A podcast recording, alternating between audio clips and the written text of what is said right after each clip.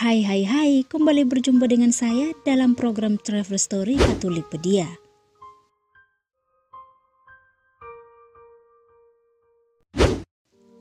Paus Fransiskus selalu punya daya tarik tidak saja bagi umat Katolik, tapi juga umat dari agama lain di seluruh dunia. Dengan posisinya sebagai pemimpin tertinggi gereja Katolik sedunia, semua sikap dan tindakan Paus Fransiskus selalu jadi perhatian semua orang. Selain menjalankan tugas dan tanggung jawab utamanya sebagai nakoda umat gereja Katolik, Paus Fransiskus juga kerap melakukan tindakan-tindakan sederhana yang terkadang membuat umat Katolik tercengang. Kejutan-kejutan kecil itu seakan mengamini bahwa kasih dapat diungkapkan dengan hal-hal kecil dan sederhana. Tim Katolik Pedia mengumpulkan 10 kejutan kecil ala Paus Fransiskus dengan harapan menginspirasi kita untuk tetap semangat berbagi kasih kepada sesama melalui hal-hal paling sederhana dan mudah kita lakukan.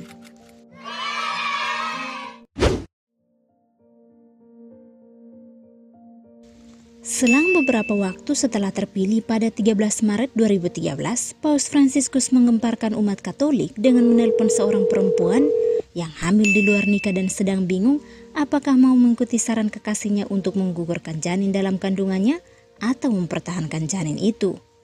Dalam suasana kalut itu, Ana Romano menulis sepucuk surat kepada Paus Fransiskus dan menumpahkan semua kegelisahannya. Sri Paus berjanji untuk menjadi ayah spiritual bagi bayi tersebut dan akan membaptis bayi itu setelah Ana melahirkan. Janji itu kemudian Paus penuhi saat ia membaptis 31 bayi di kapel Sistine Vatikan pada hari raya pembaptisan Tuhan Yesus awal tahun 2014. Salah satunya ialah bayi Ana Romano. Hampir setiap hari raya Kamis Putih selama masa kepemimpinannya, Paus Fransiskus memilih untuk merayakan misa mengenang perjamuan terakhir itu bersama para tahanan di penjara. Pada tiap kesempatan tersebut, Paus Fransiskus membasuh dan mencium kaki para tahanan seperti yang pernah dilakukan Yesus kepada para muridnya. Uniknya, di antara para tahanan yang dibasuh dan dicium kakinya itu, ada yang beragama Islam. Bahkan, ada di antaranya juga perempuan seperti yang terjadi pada Hari Raya Kamis Putih tahun 2017. Setahun sebelumnya, 2016, Paus Fransiskus malah membasuh kaki para imigran yang di antaranya ada yang beragama Islam. Kejutan-kejutan seperti ini terus ia lakukan hingga sekarang.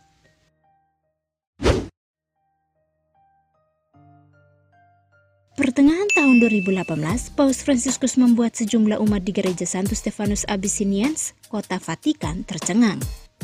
Bagaimana tidak, ketika itu umat sedang bersiap untuk mengikuti misa pernikahan seorang mantan Swiss Guard atau pasukan pengamanan paus bernama Luca Elia Maria Scaffer dan kekasihnya.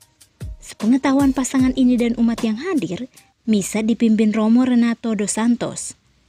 Ketika Romo Renato memasuki sakaristi jelang misa, Paus Franciscus sudah berada di sana. Romo Renato pun terkejut Baik pengantin maupun umat dibuat tercengang karena Paus Fransiskus bertindak sebagai selebran utama.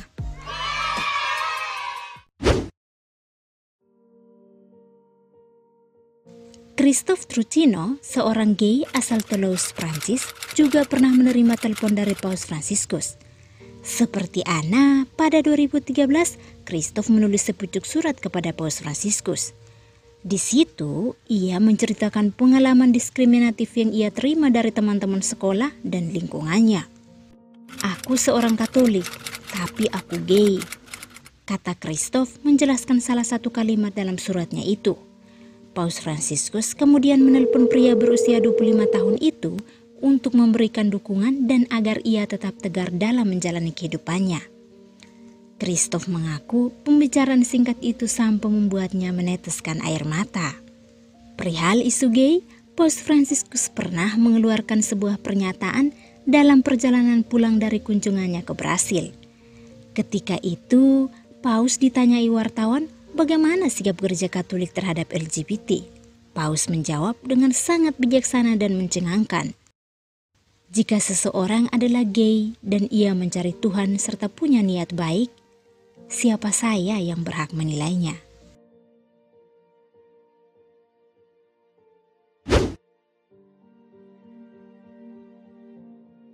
Kejutan misa perkawinan lain juga pernah dilakukan Paus Franciscus. Kali ini bahkan terjadi di atas pesawat ketika ia dalam perjalanan ke Iquique, Chili. Di atas pesawat, Paus didatangi oleh sepasang kekasih Paula Podesta dan Carlos Cufardi. Pasangan ini adalah pramugari dan pramugara dari maskapai yang ditumpangi Paus Franciscus. Kepada Paus, pasangan ini menjelaskan kalau keduanya sudah menikah sipil pada 2010. Tapi misa perkawinan di gereja Katolik belum sempat dilangsungkan karena Chili dilanda bencana gempa bumi. Paus Franciscus lalu memberkati mereka dan orang-orang yang ikut dalam perjalanan itu sebagai saksi. Lalu, Paus menghadiahkan rosario hitam putih kepada pengantin baru ini.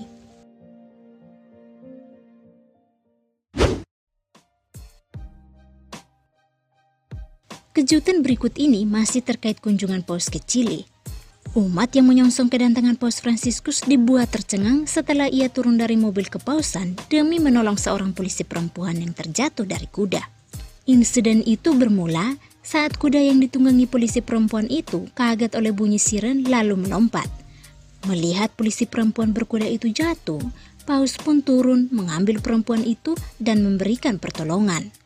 Tindakan ini membuat umat yang berdiri di sepanjang jalan terkejut. Paus kelahiran Buenos Aires, Argentina pada 17 Desember 1936 itu pernah membuat kejutan kecil dengan mengunjungi rumah seorang janda yang sedang sakit di Via Alessandria, distrik Salario, Roma. Diketahui perempuan lanjut usia itu sudah beberapa kali menulis surat untuk meminta Paus Franciscus datang mengunjunginya. Undangan itu akhirnya dipenuhi Paus. Kedatangan Paus Franciscus ke rumah nenek itu tanpa disertai pengawalan khusus sehingga tidak mencolok bagi masyarakat sekitar. Kunjungan itu baru diketahui para tetangga ketika Paus Franciscus sudah mau pulang ke kediamannya. Mereka pun buru-buru berkumpul di halaman rumah si nenek dan meminta berkat dari Paus Franciscus.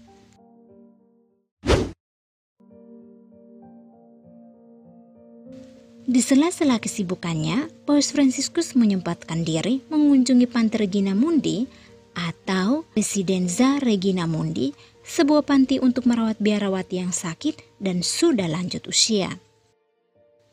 Kunjungan mendadak ke Panti Regina Mundi membuat para suster putri kasih yang mengelola pantai ini terkejut. Mereka tidak pernah mengira Paus Franciscus akan datang ke sana. Paus Franciscus datang untuk mengunjungi Suster Maria Muci, seorang suster misionaris yang sedang sakit.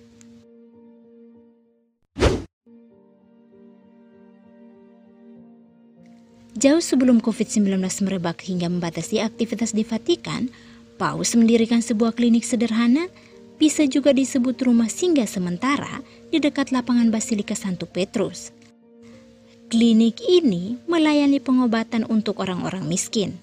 Paus Franciscus berulang kali mengunjungi klinik ini tanpa pemberitahuan sebelumnya. Kalau ia lewat di situ sore hari dan tidak sibuk, biasanya ia menyempatkan diri untuk berkunjung.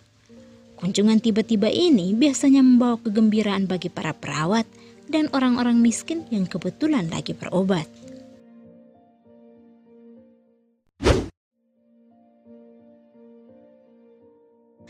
Tanpa pemberitahuan sebelumnya, Paus Franciscus berjalan kaki dari kediamannya menuju Basilika Santa Maria Maggiore untuk berdoa pada awal Maret 2020 lalu ketika misa di gereja-gereja Katolik mulai dihentikan karena corona. Setelah berdoa di sana, Paus menyusuri jalan kota Roma yang sepi menuju gereja Santo Marcelo. Ziarah singkat dan doa ini Paus persembahkan untuk pandemi COVID-19 dan para korban yang meninggal karena virus mematikan ini. Foto Paus Franciscus berjalan kaki ini sempat viral dan mengejutkan umat Katolik, sebab tampak bahwa Paus berjalan kaki tanpa pengawalan ketat juga tiba-tiba. Inilah sejumlah kejutan kecil ala Paus Franciscus. Pasti masih banyak tindakan-tindakan Bapak Suci Franciscus yang membuat gereja dan dunia tercengang dan belum sempat kami rangkum di sini. Teman-teman yang punya informasi valid boleh menambahkan di kolom komentar. Terima kasih sudah mengunjungi Travel Story Katolikpedia. Seperti biasa, silahkan subscribe, like, komen, dan juga share video ini ya teman-teman. Terima kasih. Tuhan memberkati.